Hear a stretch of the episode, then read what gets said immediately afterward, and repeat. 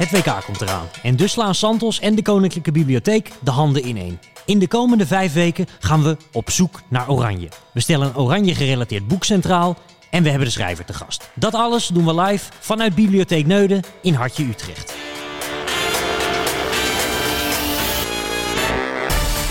Willem Vissers, sportjournalist van het jaar, al 25 jaar bij de Volkskrant. Winnaar Hartgrasprijs vanwege je wedstrijdverslag van de finale van het WK 2010. Limburger in Velzen, Fortunees, maar ook een beetje voor Telstar. Verliefd op Messi, maar misschien nog wel meer op de voetbalkunsten van recent aanwis van onze gezellen Joshua Vissers, zijn jongste zoon, en op mooi voetbal in het algemeen. Oranjevolger, columnist, schrijver van onder meer de biografie van Pieter Visser, Michael van Praag. Je bracht gebundelde columns uit over het leven met jouw meervoudig gehandicapte middelste zoon Samuel.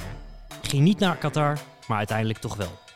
En volgens Vera Pauw de enige journalist die vanaf het begin het vrouwenvoetbal serieus nam en het zelfs mede op de kaart zette. Die bracht in 2019 een boek uit getiteld Meisjesdromen van EK-debuut tot WK-finale in 10 jaar.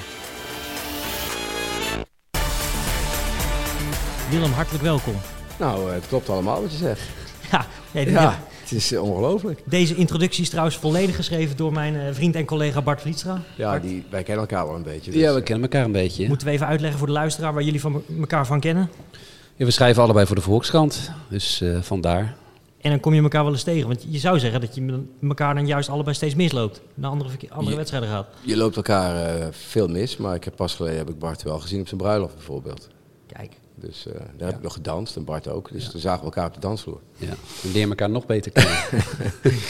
Hartstikke mooi. Eh, Willem, we zeiden het al. Je hebt eh, je boek Meisjesdromen meegenomen. Eh, zou je daar een klein stukje uit voor willen lezen? Ja.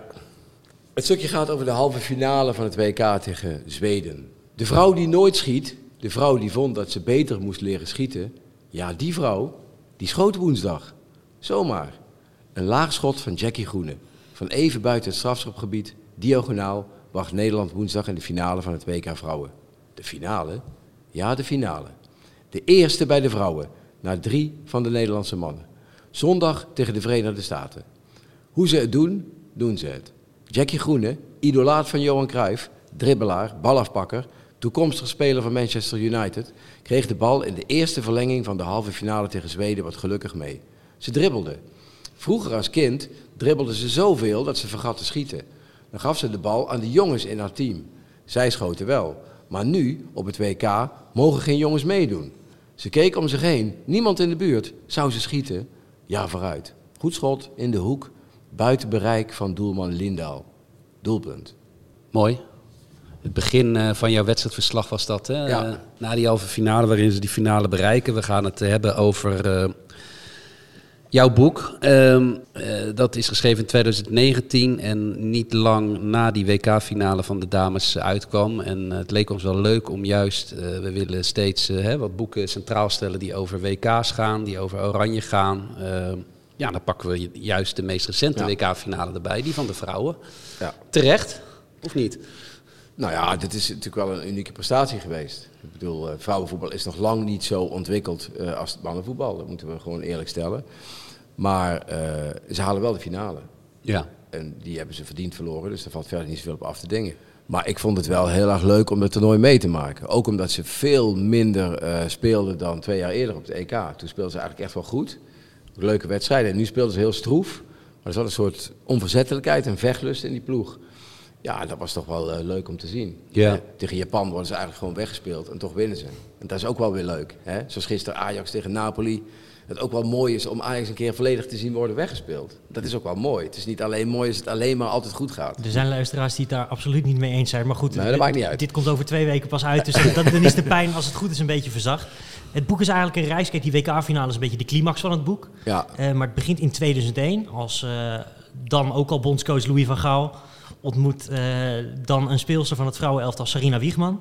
Ehm, jij was daarbij. ja toevallig. Daar was Ja, ik eigenlijk eh, toevallig bij. Ja, ik wou net zeggen, zag jij toen al de potentie of was dat Nee, een, meer een nee. verplicht nummertje tussen aanhalingstekens? Nee, het was echt zo'n wedstrijd. Ja, we deden eigenlijk toen nog bijna niks aan vrouwenvoetbal. Ik kan me al die keren nog herinneren.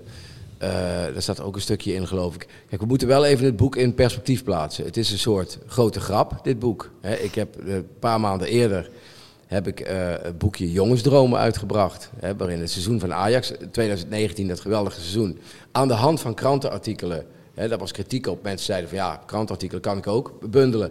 Van de andere kant, de kracht van het boek was juist dat je elke keer weer in die wedstrijd getrokken werd. Dus er valt van alles voor te zeggen. Nou, dan ga ik een maand later naar het WK toe, voor vrouwen. Dat gaat opeens heel goed. Dus ik zeg tegen Marieke Derksen, die het boek heeft uitgegeven... eigenlijk voor de grap, zullen we nu ook een meisjesdroom uitgeven? Nou, zij gaat eens even praten met de directie. Ze zegt eerst, ja, dan moeten ze eigenlijk wel de finale minimaal halen, anders heeft het geen zin. Dus hebben ze de finale gehad, heb ik wel doorgehakt. Dus toen heb ik echt gekeken in die tien jaar welke artikelen ik geschreven heb. Dus ik heb er een nieuwe inleiding bij geschreven en ik heb iemand gezocht voor het voorwoord. Maar voor de rest zijn het gewoon allemaal stukken uit de krant, maar die wel een ontwikkeling aangeven.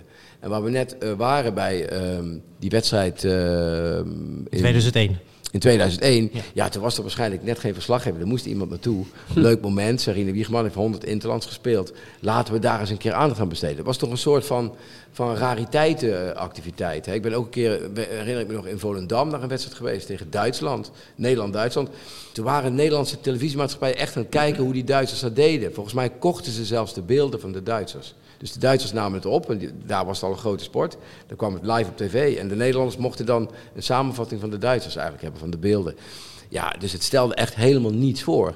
En dat, dat vind ik het leukste aan, aan, aan sportjournalistiek, vind ik eigenlijk altijd het proces beschrijven. Dus in 2009 hadden wij een vrouwelijke chef als, uh, bij de Volkskrant, Marije Randewijk.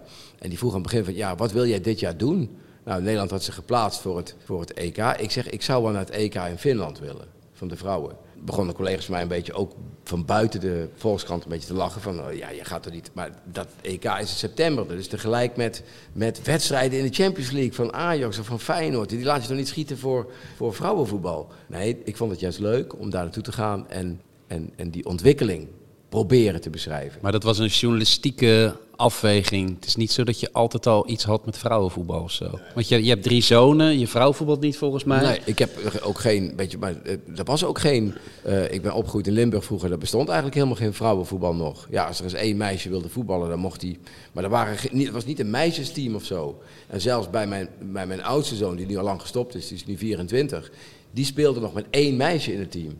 En deed er één meisje mee, want er was maar één meisje. En nu heb je, vorig jaar hadden wij ook nog een meisje in het team, bij mijn jongste zoon, maar die is naar Ajax gegaan. Ja, want iedereen zegt altijd dat het voor meisjes oneerlijker is. Maar ik zou die stelling willen omdraaien. Ik denk dat het voor jongens veel moeilijker is tegenwoordig. Want als meisje hoef je, omdat er veel minder zijn, hoef je lang niet zo goed te zijn als een jongen om bij Ajax te spelen. De drempel is in die zin lager. Eigenlijk is de drempel lager. Terwijl mensen altijd zeggen dat de drempel hoger is. Maar in de tijd dat het echt begon... Was het wel zo. Was het moeilijker natuurlijk. Om, Toen waren er geen meisjesteams. En er waren, dus ik vond het leuk om, om te gaan kijken in, in dat EK in Finland. Van hoe gaat dat nou? Hoe is zo'n ploeg nou? Eh, eh, eh, zijn die meiden prof? Of, of hoe wil, wat willen ze graag met hun leven? Die bondscoach vond ik fascinerend. Vera Pauw toen. Die zo fanatiek was. En echt door al die muren bij de KNVB moest heenbreken om haar uh, aandeel in het, in, in, in het geld en de aandacht te krijgen. Met hoeveel journalisten was je daar toen? Nou, we waren echt super weinig. Ik was de enige, zeg maar. Ik zei altijd voor de grap een beetje de enige serieuze. Want het waren allemaal medewerkers. Ja. Uh, mensen die al jaren bij het vrouwenvoetbal waren en die nu een moment van glorie hadden, omdat zij nu op een EK waren. Ja. Maar, eh, maar er waren ja, van, de, van de Telegraaf een jongste bediende. Van het AD was er volgens mij pas in de tweede fase iemand. Er sliep er ook eentje in de auto, las ik in je boek. Er sliep er eentje in de auto. Uh, uh, er, was, er was geen nauwelijks aan. het was op Eurosport. Dus ik geloof dat pas de halve finale pas op de NOS is geweest. En op Eurosport werden de kijkcijfers steeds hoger. Maar in het begin was er echt niemand die zich druk maakte. Als er nu een EK of een WK gespeeld zou worden en de rechten zouden naar Eurosport gaan of naar een of andere vage Viaplay-achtige zender, dan zou er een opstand komen. Van waar is de NOS? Maar toen was er echt helemaal niemand die zich er druk om maakte. Je vertelt ook een paar keer in je boek heel grappig dat er een collega is die steeds als je over vrouwenvoetbal begon, dan doet hij zo. Ik, ik heb wel een vermoeden wie het is trouwens. Was jij dat, Bart? Nee, Laten zeker we zijn niet. naam niet noemen. Nee. Maar uh, die deed zijn oren altijd dicht en die ging heel hard la la la la la roepen als jij. Uh, ja. Als en, jij... En, en, dan zei hij: Ben je al klaar? ben je al klaar? La la la la la. Nou, dat ging zo de hele dag door. Ja. Dus, en er waren natuurlijk ook, maar ja, bedoel, Gert-Jan van Beek weigerde, de, de, de, vrouwenploeg mocht niet op het gras van. Uh, van van eh, het stadion van AZ spelen. Want dat was allemaal slecht voor de, voor de- het was slecht voor het gras en noem maar op allemaal. Dus Terwijl de terreinknecht, die had liever vrouwen. Ja, mooi is dat. die zijn nu weer wat lichter en zo. Ja, Lichtvoetiger. Ja, nou ja, goed. Het was natuurlijk eh, eh, een heel rare tijd. En ik, ik vond dat heel erg leuk, want ze speelden eigenlijk best wel. Het mooiste was eigenlijk de wedstrijd tegen Finland. Toen Nederland eh, zich eigenlijk kon plaatsen. Die was geloof ik de tweede poolwedstrijd. En ze mochten niet te dik verliezen, want dan kon het nog in gevaar komen. Nou, eindelijk waren alle bobo's van de KNVB die waren ingevlogen. Die liepen allemaal in het stadion. Nederland staat met 2-1 achter in die wedstrijd. En gaat vervolgens de 2-1 achterstand verdedigen. Wat natuurlijk totaal Nederland, tegen de Nederlandse voetbalcultuur is. A, dat je überhaupt gaat verdedigen. B, dat je ook als je achter staat ook nog blijft verdedigen. Nou, er was al die bobo's, ik zag die allemaal lopen. Die waren allemaal woedend. Wat is het voor voetbal? En komen we hiervoor helemaal uit Amsterdam gevlogen en wat slaat het allemaal op? Maar die Vera Pauw had al in de gaten, als haar doelsaldo helemaal zou verpesten met die wedstrijd, want die Finnen waren veel sterker, dan zou ze waarschijnlijk uitgeschakeld worden. En nu kon ze door het doelsaldo redelijk te houden, kon ze in de laatste poolwedstrijd alsnog kwalificatie. Dat bleek ook helemaal uit te komen. Dus het was heel verwarrend allemaal. Maar het begon dus met een, een soort journalistieke antenne van jou van hey, dit is interessant. Maar zag je het ook een beetje als een soort taak om het vrouwenvoetbal eh, meer onder de aandacht te brengen? Echt een, echt een push te geven? Ja, als taak misschien niet, maar ik hou wel een beetje van. Ik, ik word altijd een beetje eh, stekelig als iedereen ergens tegen is. Dus als iedereen zegt er is niks aan, dan ga ik proberen het leuk te vinden. En het was best wel eh eh, volharden, want het voetbal was gewoon niet goed.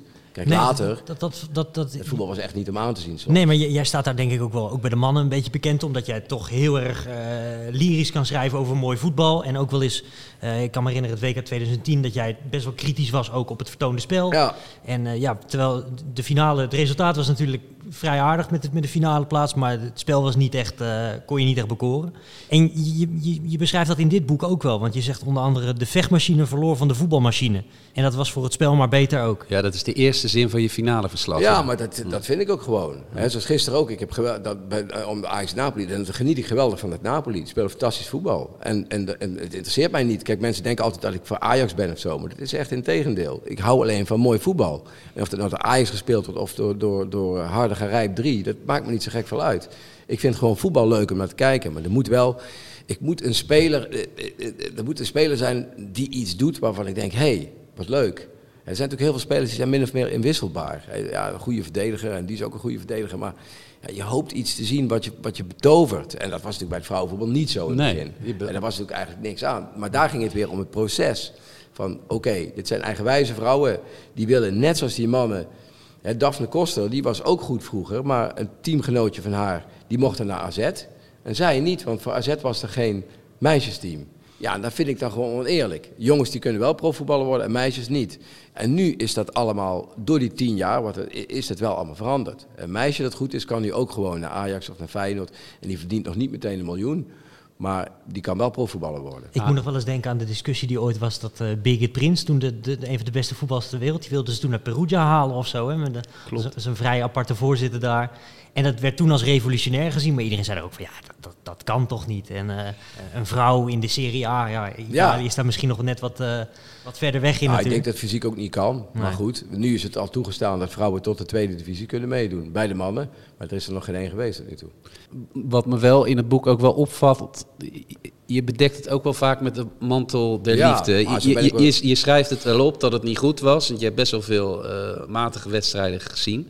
Maar je bedekt het ook een beetje, eh, hè, benadruk je juist de saamhorigheid of de wilskracht na een Ja. slechte wedstrijd. Je schrijft een keer, de kleine van de Donk rent, sprint, glijdt, blokt. Haar genialiteit gaat geregeld schuil achter haar heerlijke vechtersmentaliteit.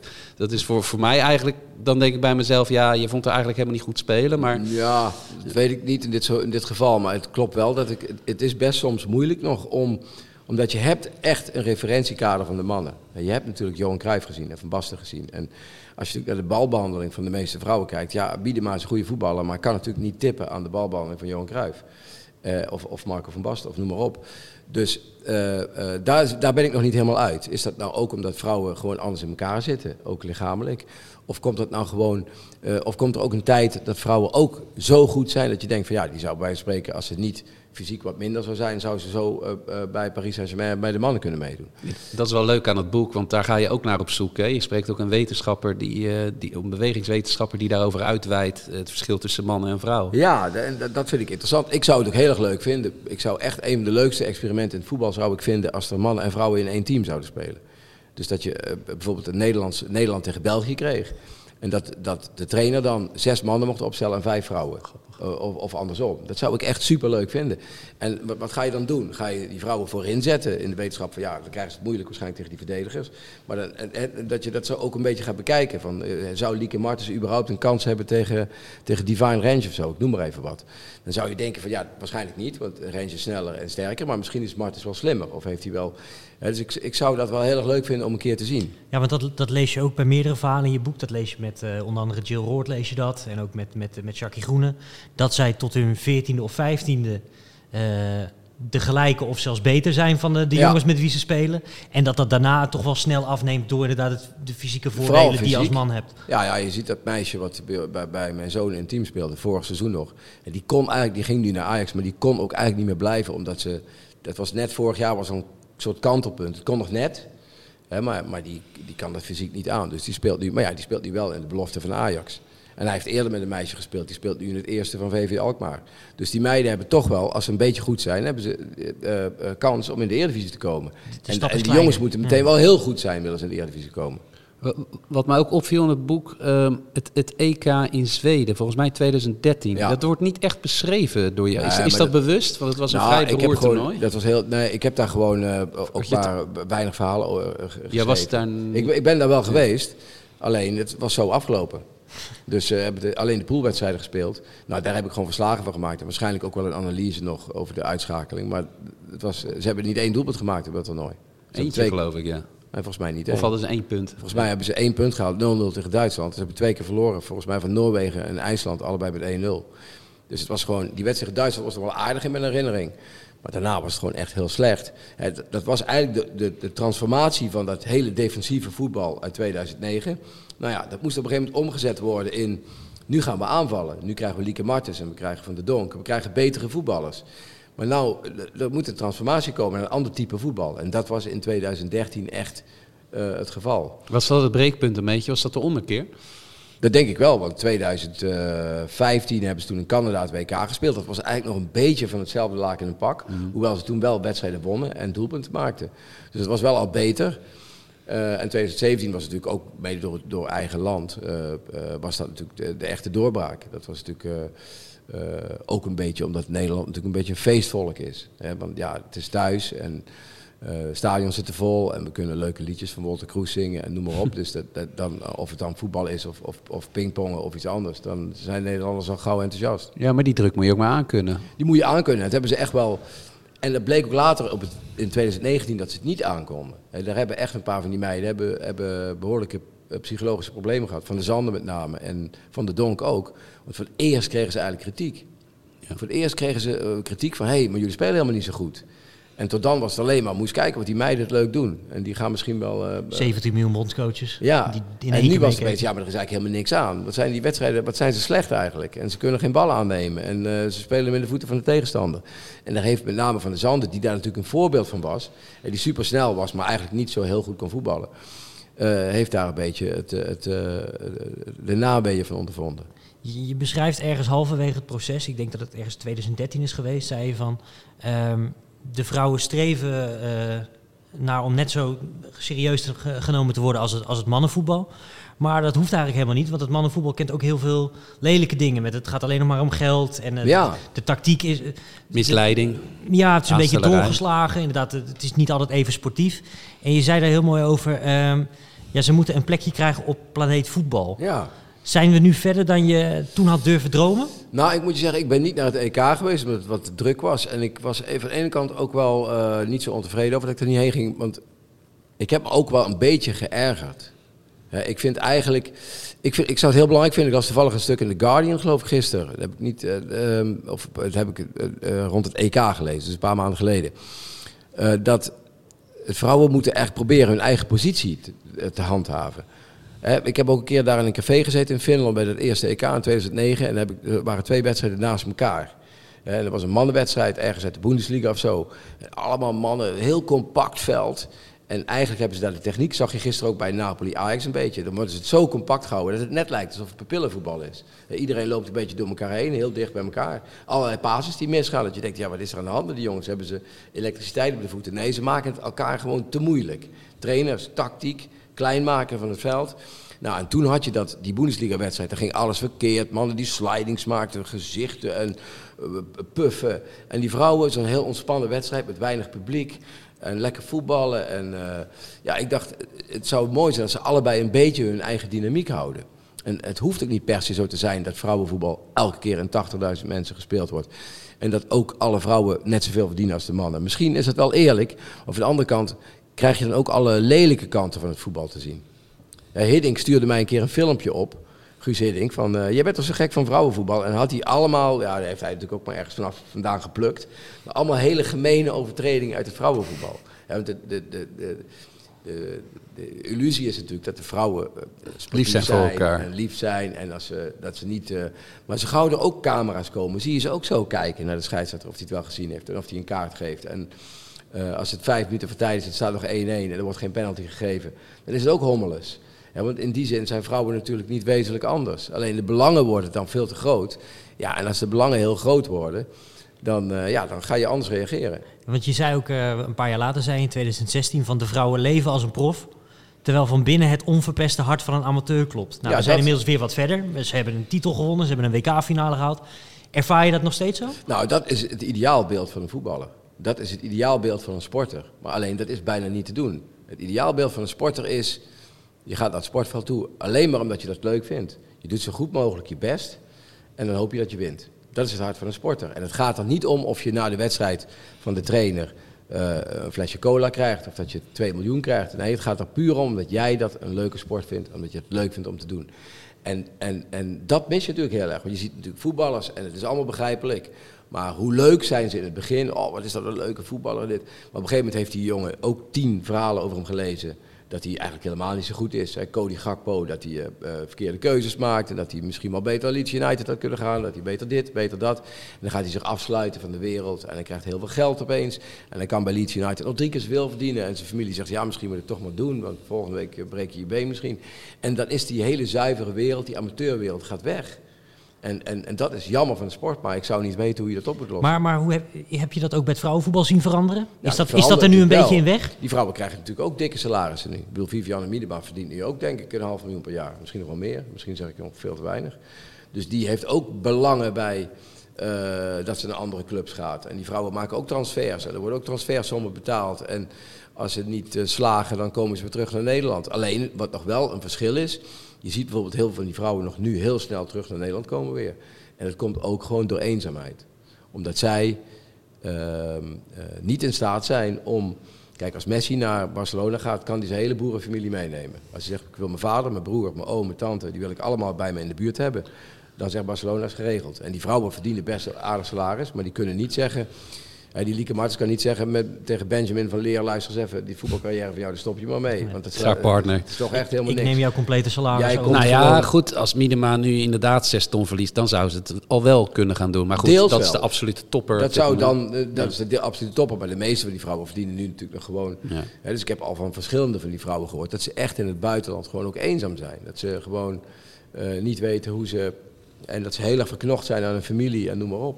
Het voordeel is wel dat de eredivisie daardoor weer wat sterker wordt. Hè? Dat, Ja. dat is ook wel een enorme strijd geweest om een serieuze eredivisie neer te zetten, wat je ook in je boek beschrijft. Ja, nu, nu zie je, dat eh, was vorige, vorige week natuurlijk jammer dat Ajax het niet redde, maar het wel op zich heel goed deed tegen Arsenal en net uitgeschakeld worden. Maar ja, er is nu wel, er zitten nu 11, 11 clubs geloof ik in hè. Ja, ze willen nog 12. 11 clubs in. Nou, er zijn nu eh, Fortuna en Telstar bijgekomen. Ja, daar was ook een richtingenstrijd van. Moeten we eh, eerst betere meiden opleiden en dan meer teams? Of gaan we eerst meer teams doen en dan komen de betere meiden vanzelf? Ja, dat is een beetje de discussie. En Ja. dan wordt er toch een beetje commercieel gedacht. Van Fortuna, er zit geld. Die willen graag meedoen. Er zit niemand eigenlijk in Limburg. Laat die er maar bij komen. Telstar is al jarenlang aan het vragen of ze mee mogen doen. Ja, dan hebben ze ze allebei toegelaten. Maar of dat echt voor het niveau... Kijk, ik kan niet goed kijken naar eh, ADO tegen Telstar bij de vrouwen. Daar kan ik bij de mannen ook niet zo goed naar kijken hoor, als ik niet in het stadion ben. Maar dat, bij de vrouwen kan ik dat helemaal niet. Nee, ik, ik heb er commentaar bij gegeven ooit. Dat is, eh, dat is soms best wel even, dat is hard werken. Ja, ik, Vlagen. toevallig was pas geleden ADO tegen Telstar, geloof ik. 4-0, dacht ik. Of- En ik heb daar 10 minuten naar zitten kijken. Maar ja, zeker mijn zoon die dan binnenkomt, die zegt... Ja, ik mag dat alsjeblieft af. Die kan daar gewoon niet tegen. Die, die denkt gewoon echt dat zij met hun team makkelijk van Telstar winnen. Ja, is ja. Een beetje over je werkwijze. Moest jij er nou bij de krant eh, voor vechten om, om vrouwenvoetbal op de pagina's te krijgen? Ik werkte daar toen nog niet trouwens. Nee, eigenlijk helemaal niet. Want was toen Marije, was natuurlijk een vrouwelijke chef. En die vond het alleen maar prachtig. Alleen ja, het moeilijke is, ehm, hoe ga je dan... Het moeilijke is niet dat toernooi zelf doen, dat EK. Maar wat ga je daarna doen? Eh, is het daarna, is het, is het dan logisch, de Eredivisie bestond. Gaan we dan ook aan de Eredivisie vrouwen net zoveel aandacht besteden als aan de Eredivisie mannen? Nee. Waarom niet? Ja, niveau, eh, eh, traditie, noem maar op. Er kunnen allerlei redenen zijn. Nu is het nog steeds zo dat we aan vrouwenvoetbal veel minder doen dan aan mannenvoetbal. En wij krijgen wekelijks brieven bij de krant van waarom hebben jullie minder aandacht besteed aan de Ronde van Frankrijk voor vrouwen dan aan de Ronde van Frankrijk voor mannen. Ja, dan kun je daar tien redenen voor verzinnen. De belangrijkste is dat de Ronde van Mannen eh, veel sterker deelnemersveld heeft. Dat er de hele wereld bij spreken meedoet. En de Ronde van Vrouwen duurt vijf dagen of zes dagen. En noem maar op. Dus er zijn wel wat redenen voor. Maar eh, je moet sterk in je schoenen staan om dat allemaal goed te kunnen uitleggen. Ja. Maar goed, je hebt, er, je hebt er toch best veel in de krant gekregen. Zeker over de, over de opmars van het vrouwenvoetbal. Ja. Dan ga je dat bundelen als het ware. Hè? Hoe, hoe- ben je er toe, toe te werk gegaan eigenlijk? Ja, ik heb dus tegen Marieke gezegd, maar dit is echt, weet je, dit, dit is het snel, snelst gemaakte boek ooit. Want Ja. het is echt in vijf dagen gemaakt of zoiets. Ik heb gewoon tegen Marieke gezegd, op een gegeven moment toen wij besloten hadden dat ze die finale gehaald hadden, toen hebben we er een klap op gegeven. Ja, ik zeg, het moet wel kort na het toernooi uitkomen, anders heeft het niet zoveel zin. Dat was nog wel even lastig, want eh, ja, het fietste er een beetje tussendoor, dus die drukpers moest, die was al bezet en zo. Dus uiteindelijk kwam het, ik denk twee weken na het toernooi kwam het over uit. Maar ik heb wel gekeken of ik genoeg verhalen had om, eh, eh, eh, om een boek te vullen. Of er Ja. genoeg verhalen waren die, daar, die, daar, die die kwaliteit zouden hebben. Zeg maar achtergrondverhalen, columns, af en toe een wedstrijdstuk, een interview. En die, die het zouden rechtvaardigen om daar een boek van te maken. Even afgezien van de, dat je kunt zeggen, ja, het zijn stukjes uit de krant. Maar als je dat nog even weglaat en het gewoon ziet als een soort van ge- geschiedenisboek van het vrouwenvoetbal, dan is het denk ik best aardig. En heb ik, ja, ik denk in vier, vijf avonden daar in Frankrijk heb ik die verhalen bij elkaar gevist. en nieuwe eh, inleidingen boven gezet. En toen eh, de dag na de finale, of ik geloof, ik kwam maandag thuis van het toernooi en woensdag was alles af. Want alle hoofdstukken die zijn zeg maar, ehm, het zijn oude stukken, maar Ja. veel zijn wel voorzien van een, een dikgedrukte Ja, lichte nieuwe- beschrijving bovenin. Ik heb er een retrospectieve eh, alinea boven gezet om het toch een beetje in perspectief te plaatsen. Ja, dat heb ik daar allemaal zitten doen, terwijl de, terwijl de collega's in een restaurant zaten of zoiets. Dus, en, en, en woensdags was het af. En toen heb ik eh, in, eh, op de warmste dag ooit in Nederland gemeten. Toen heb ik het aangeboden aan eh, Jackie Groene. Want ik wilde niet echt een presentatie houden, dat was een beetje lastig. Maar Jackie was dan ergens in, in ja, ze woont in Poppel geloof ik, maar ergens in een café in, in, in de buurt van, ergens helemaal in het zuiden van Brabant. Daar we het toen gedaan. En eigenlijk wilde ik alleen haar het boek geven en dan een foto maken en even met haar zitten. En dan kon ik dat op Twitter zetten, eh, een paar exemplaren laten signeren. Want je krijgt natuurlijk verder helemaal geen publiciteit van zo'n boek. Dus je moet het een beetje zelf doen. Dus ik dacht, nou, dat is genoeg. Maar toen had die vrouw waar dat in, van dat café waar het gehouden werd, die had dat op Facebook gezet. Dus eigenlijk was er nog een soort van oploopje bijna. Wel leuk. Er waren, ja, ik denk 30 of 40 mensen die gewoon binnenvielen en die vroegen of ze zo'n boek konden kopen daar. Of krijgen. En, en Meestal krijgen Nederlanders. Heb je het eigenlijk helemaal zelf gedaan dan? Was er nog iemand die medelas? Want ik kan me voorstellen dat dat je toch een eh, beetje eh, wat volgens de beurs... is, is Sietse dat. eh, volgens mij heeft Sietse al die stukken nog gelezen. Sietse de Sietse Boer, is een eindredacteur. bij onze krant, die veel van voetbal houdt. Meer Ja. van Ajax dan van vrouwenvoetbal overigens. Maar die heeft dat nog wel gelezen, maar daar was ook niet zo gek veel tijd meer voor. Nee. En er is dan ook nog iemand bij de uitgeverij die dat wel leest. Maar dat gaat dan meer om het Nederlands. En, eh, en, eh, dat, maar ja, de meeste verhalen waren natuurlijk al in de krant geweest. Dus daar was al eindredactie overheen geweest. Dat was op zich wel makkelijk natuurlijk. Ja, maar je kreeg goede reacties volgens mij. Hè? Het is best goed ontvangen, alleen niet goed verkocht. Nee. Nou, maar dat had ik ook niet verwacht. Daar doe ik het in eerste instantie ook niet voor. Natuurlijk hoop ik eh, dat... dat Want dat is wat mensen dan misschien denken. Hij gaat even heel snel eh kanten, Nee. wat oude meuk opbakken. En, eh, nee, dat is niet zo. Bovendien heb ik ook nog eh, een deel van het geld geschonken aan de... Dan moet ik even nadenken. Ja, die mevrouw heeft een vrij moeilijke naam. Académie de Voetbal Enfant des Réels. De eerste voetbalschool voor meisjes in Cameroen. Eigendom van International Gaëlle Nganamu. ja. Ja, ik, ik heb wel goed nieuws, want het boek is nog steeds eh, te leen bij, bij de bibliotheek. Eh, Hier in Utrecht? in Utrecht ook, maar ook gewoon als boek online. Ja. eh, onlinebibliotheek.nl. Dus als je nog geen lid bent van de bibliotheek, dan loont het ook zeker om, eh, om daar nog even achteraan te gaan. En dan kan je dit boek eh, Ja. alsnog lezen. Ik vond het zelf in ieder geval een hele leuke reis. Omdat ik ben een beetje... Ja, ik denk, en veel Nederlanders met mij, bij, bij mij is het vrouwenvoetbal toch een beetje pas gaan leven op het moment dat die openingswedstrijd hier in Utrecht werd afgetrapt. Dat kan me ook heel goed voorstellen. Ik, ik, ik heb dat zelf natuurlijk ook wel. Dat, dat, was, dat noemen zij zelf ook de doorbraak. Hè, dat ze hier van Noorwegen wonnen. En, en in dat volle stadion, ik weet nog wel dat Sarina Wiegman vertelde, ja, die bus kwam aangereden. En alles was oranje. En dat was dat ze in de bus zaten. Jeet, het is nog nooit gebeurd. Ja, dat er hier gewoon nu 30.000 mensen zitten in een oranje pakkie. Voor ons. Niet voor een mannenwedstrijd of voor tennis of weet ik veel wat. Maar nee, voor ons, voor vrouwenvoetbal. En dat was natuurlijk heel erg sensationeel. Kijk, daar in Finland, toen ik daar was, toen zaten er... eh, bij wedstrijden van Nederland eh 800 toeschouwers. En dat waren dan de familieleden Ja. van die vrouwen die er dan, die dan mee waren. En, en voor de rest kreeg dat helemaal geen aandacht. Ze kwamen bij, ik geloof, Pauw en Witteman. Of Pauw in ieder geval bij Een van die opzetten een van die programma's. Ja. Daar zijn ze toen op die maandag geweest, na, na het toernooi. Ja, dat was een soort kennismaking met vrouwenvoetbal. Dan moesten ze allemaal hun naam nog zeggen. En, en, en, Heel dat kort item waarschijnlijk. Ja, nou ja, goed, dat was helemaal eh, Sylvia Smit en zo. Ja, wie kent ze niet? Ja, ik niet.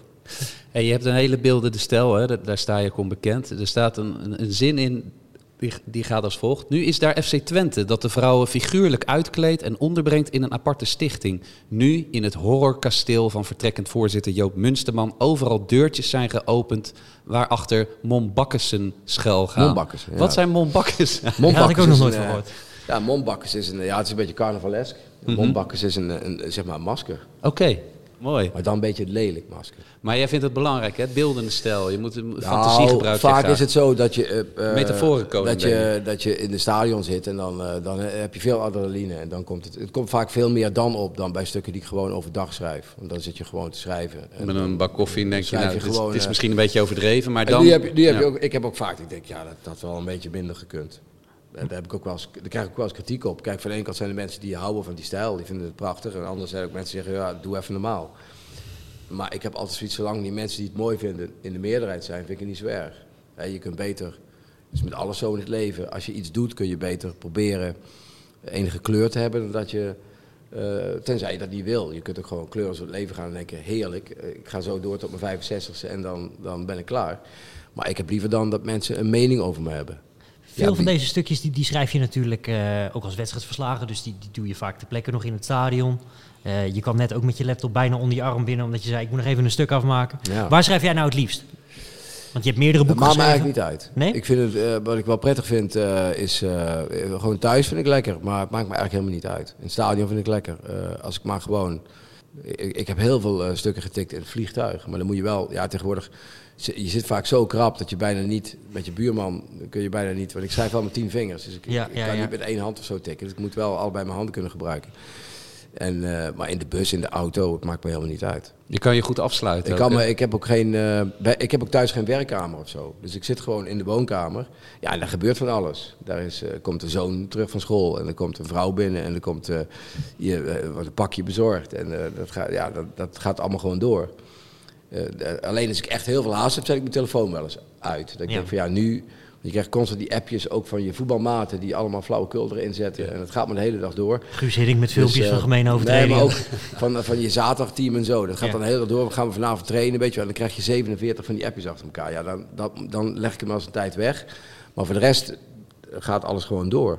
Ja, het is benijdenswaardig. Nee, het is benijdenswaardig hoe hij, eh, hoe hij dat doet. Zeker eh, met die krappe deadlines die je tegenwoordig hebt met de krant. is bijna niet meer te doen. Je moet voor het eindsignaal moet je zo'n beetje door Ja, zijn. maar die deadlines zijn het, in principe hetzelfde gebleven. Alleen de krant wacht er niet meer op. Dus het staat nu gewoon Nee, oké, maar goed. eh, Ik kom aan een tijdschriftenhoek en dan moet je daar verschrikkelijk aan wennen. En eh, dan zit je al te kauwen. Ik moet veel langer kauwen op zinnetjes en dan vind ik ze nog eigenlijk niet mooi. En bij hem knalt het er allemaal uit. Ik heb wel eens een tijdje gedacht dat het komt omdat hij af en toe zijn duim in zijn mond doet. Dat, zou, Ja. dat, Dat dat mee te maken. de Het techniek zuigt er is. letterlijk Is dat uit. het? zuigt het letterlijk in zijn laptop, die mooie zinnen. Maar ja, hij, hij is gewoon de koning van de deadline. En, daarom leest dit ook heel prettig weg. Omdat ja, zijn wedstrijdverslagen zijn zo goed. Als je die achter elkaar zet, ja, dan heb je al eh, bijna een goed boek te pakken. Bij mij is het beter. Het boek was min. Als, ik heb ook wel eens kritiek gekregen over dat jongensdroom bijvoorbeeld. Als je dat nou nog achteraf dat, dat boek gemaakt had, over dat seizoen, was het beter geweest. Ik denk van niet. Je krijgt hier, dat jongensdromenboek was zoveel mensen die. eh, ik heb geloof ik toen in de vakantie, ik denk wel minimaal 200 berichten gekregen van mensen die op het strand zaten met dat boek. Die een foto stuurden van eh, ik zit te huilen op het strand of zo. Of om- omdat ik dit stuk lees. Van Ik ben weer even helemaal terug in Bernabeu. Ja, dat, dat was het leuke. Ik ben, vorig jaar heb ik met mijn, la, een van mijn laatste boeken, eh, de voetbalkanon, heb ik met Paul Onkout en Edwin Struijs en Simon Zwakruis en Dick Sintony gemaakt. Gewoon een soort geschiedenisboek van het Nederlands voetbal. En omdat het coronatijd was, ben ik met mijn echtgenote ben ik een paar dagen door eh, Nederland gereden. Heb ik gewoon op Twitter gezet, ik kom dat boek bij u brengen. En daar waren gewoon mensen die hadden eh, verslagen van, van dat Ajax-jaar op het toilet hangen, studenten. Dus er was een student op een gegeven moment en die was helemaal... ik, ik was een soort Harry Styles die daar binnenkwam. Die, die, die helemaal idolaat was en die gewoon naar het toilet ging. En we hadden een geplastificeerd eh, artikel van... Dat hing daar gewoon op het toilet. Ja. dat is gewoon wel leuk om te zien. Ik bedoel, je, je moet er verder niet al te veel conclusies aan verbinden. Want de volgende dag moet je weer, weer een goed stuk tikken. Maar ja, weet je, als je in 100.000 man in een stadion zit... dan hoor je eigenlijk maar één geluid. Het is veel moeilijker, zoals hier net, als ik hier zit en hij komt binnen en dan komt hij binnen en dan gaat me een hand geven. En eh, jullie hebben het over eh, eh, iets wat, wat ik ook wel interessant vind, maar waarvan ik eigenlijk denk, ja, ik moet eigenlijk opschieten met tikken. Dat is vaak lastig. Dan moet je je afsluiten en dan zet ik wel eens mijn koptelefoon of zo op, thuis ook. Duim in je mond. Een duim in mijn mond. Oh, en dan zet je lekker muziekje op en dan, en dan kun je gewoon oneindig tikken. Is dit je beste boek? Vind je dit je beste boek dat je hebt geschreven? Nee, nee. Wat is je beste boek? Ja, het is heel moeilijk. Kijk, weet je, ik heb boeken gemaakt die echt helemaal nieuw zijn. En ik heb boeken gemaakt die. Dus ik vond het jongensdromen leuker dan dit. Mhm. Dat vind ik echt een leuke boek. Omdat, omdat eh, ja, dat, dat- die, kijk, daar was ook het voetbal mooi. Kijk, hier het nadeel is dat voetbal niet, zo, niet heel bijzonder is. Dus dan, kijk, en ik, vind, ik, ik wil me graag verwonderen over voetbal zelf. Over een speler die iets heel goed kan. Over eh Lobotka bij Napoli, die dan... En dan verwonder ik me dat hij acht jaar geleden bij Jong Ajax speelde. Dat, dat iedereen dacht, ja, jammer, is niet goed genoeg. Die jongen gaat dan terug naar Slowakije, Illusie Armer. Begint gewoon weer met Trenčín te voetballen. En vervolgens eh, bloeit hij weer helemaal op. Gaat hij naar ergens, geloof ik, Noord-Zeeland of, of Celta de Vigo. Celta, ja. En komt dan eh, alsnog aan de top. Kijk, dat, en, en, en die, die, dat Ajax-voetbal toen, dat jaar, Real Madrid, Ajax, het zat allemaal mee. Eh, noem maar op. Hè. Het heel erg meegezeten. Madrid was net een beetje op zijn dieptepunt.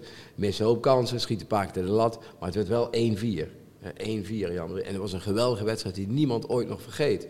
En zo had je er nog een paar. En dat was leuker om te beschrijven dan wat grauwe wedstrijden van de vrouwen soms. Wat, wat lees je zelf graag? Als we dan een beetje in de voetbalhoek blijven, maar mag ook erbuiten. Nou ja, ik lees eh, eh, eh, veel sportboeken natuurlijk. Hoewel ik ze niet altijd... maar ik ben nu dat boek van Van, van Egmond en Krabbedam aan het lezen over Feyenoord, Loerders en de Maas.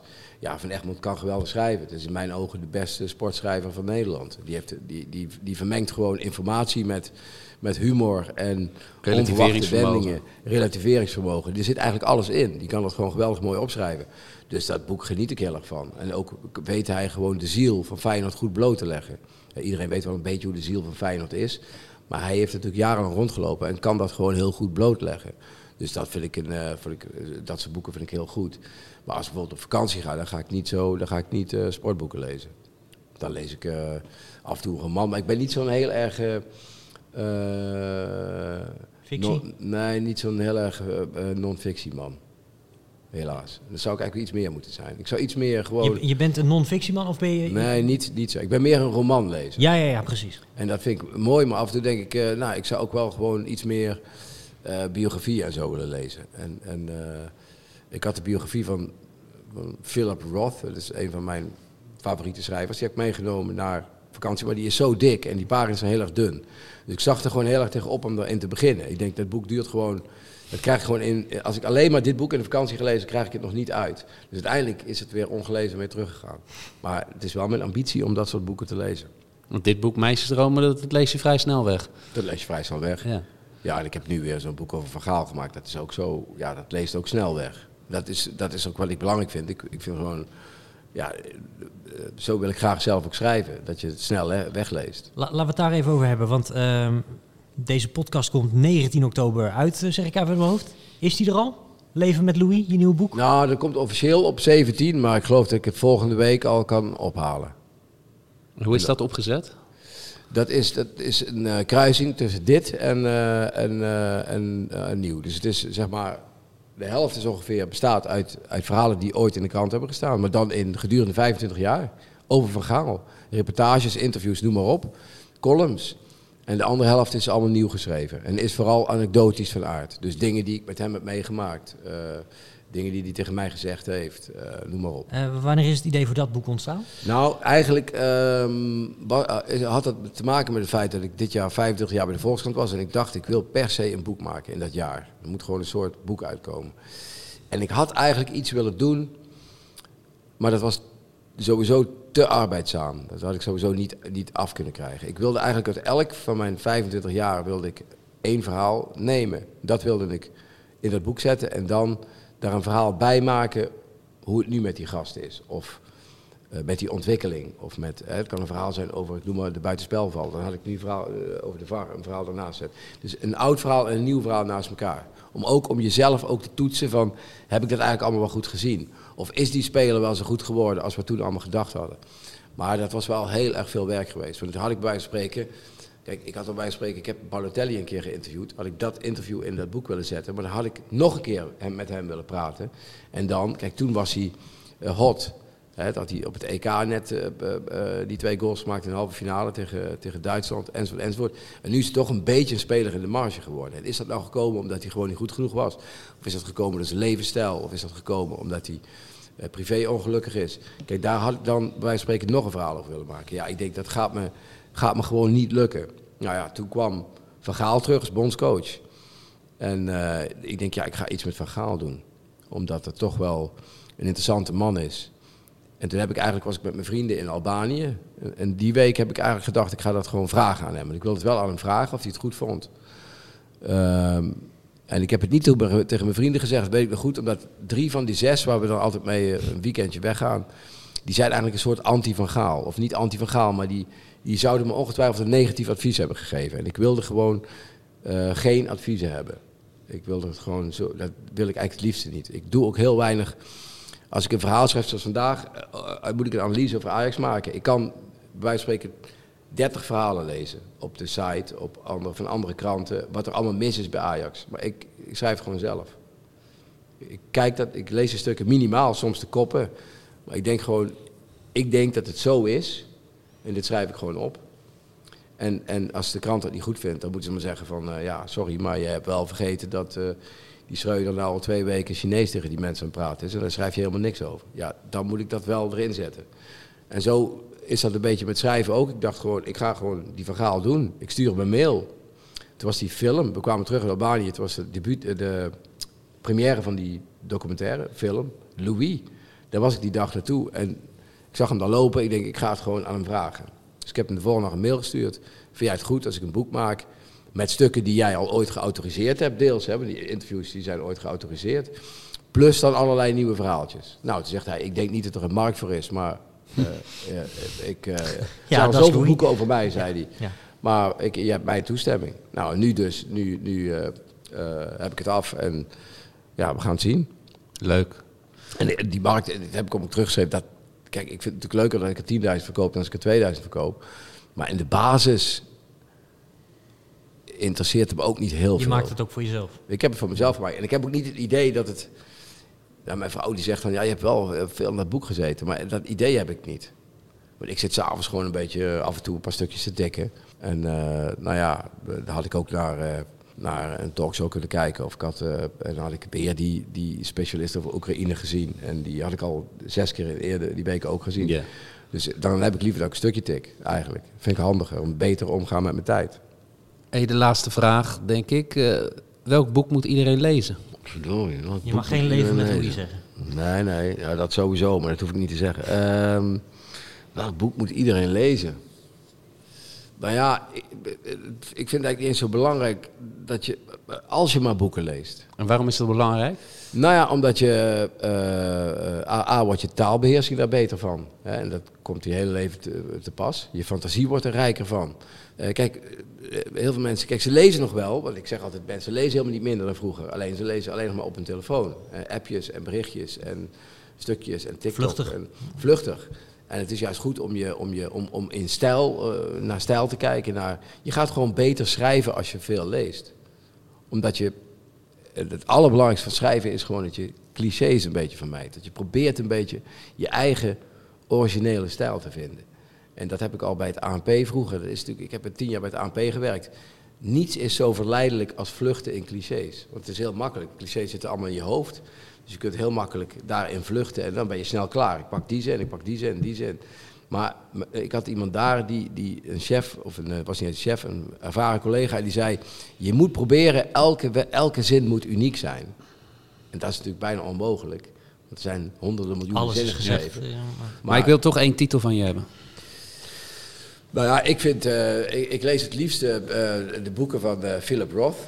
En dat zijn, het kan zijn, maar het is nu alweer een paar jaar geleden, ik heb ze bijna allemaal gelezen. Of bijvoorbeeld John Irving vond ik ook heel goed.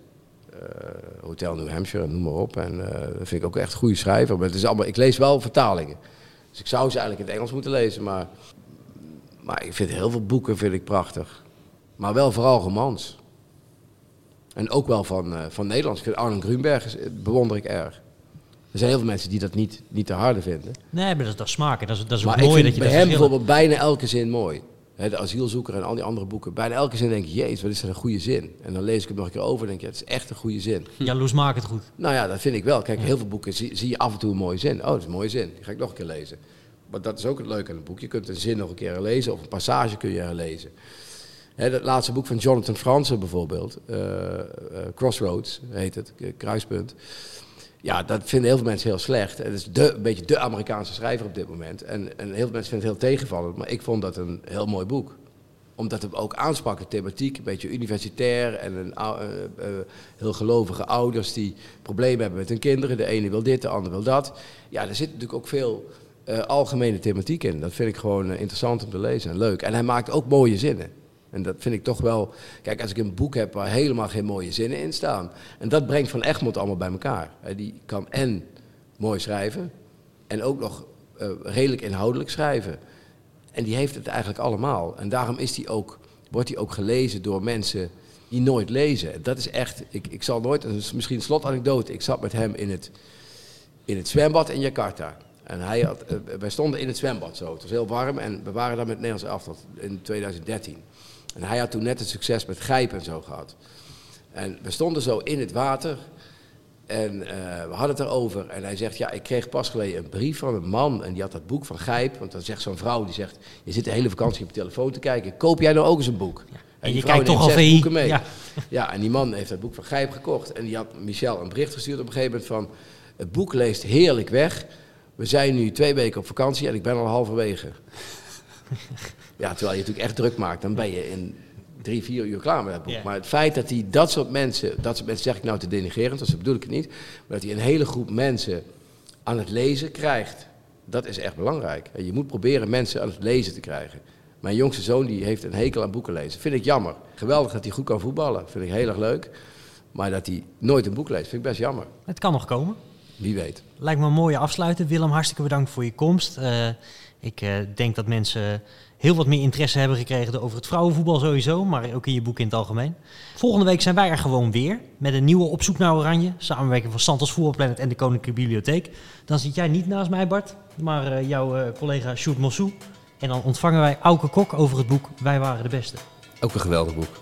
Ik moet hem nog lezen, maar ik ben hartstikke benieuwd. 1974. Ja, mooi dat is fantastisch. Ja, allebei. Fantastische. Van 88 ook. Ja, maar Maar we die zitten, meer, 74 is beter. we zitten meer in de WK-sferen, Ja, ja. dus we gaan naar eh, 74. Ja. Ik ben heel benieuwd. Ik ga hem lezen. Ik zou zeggen tegen de luisteraars thuis, tot volgende week.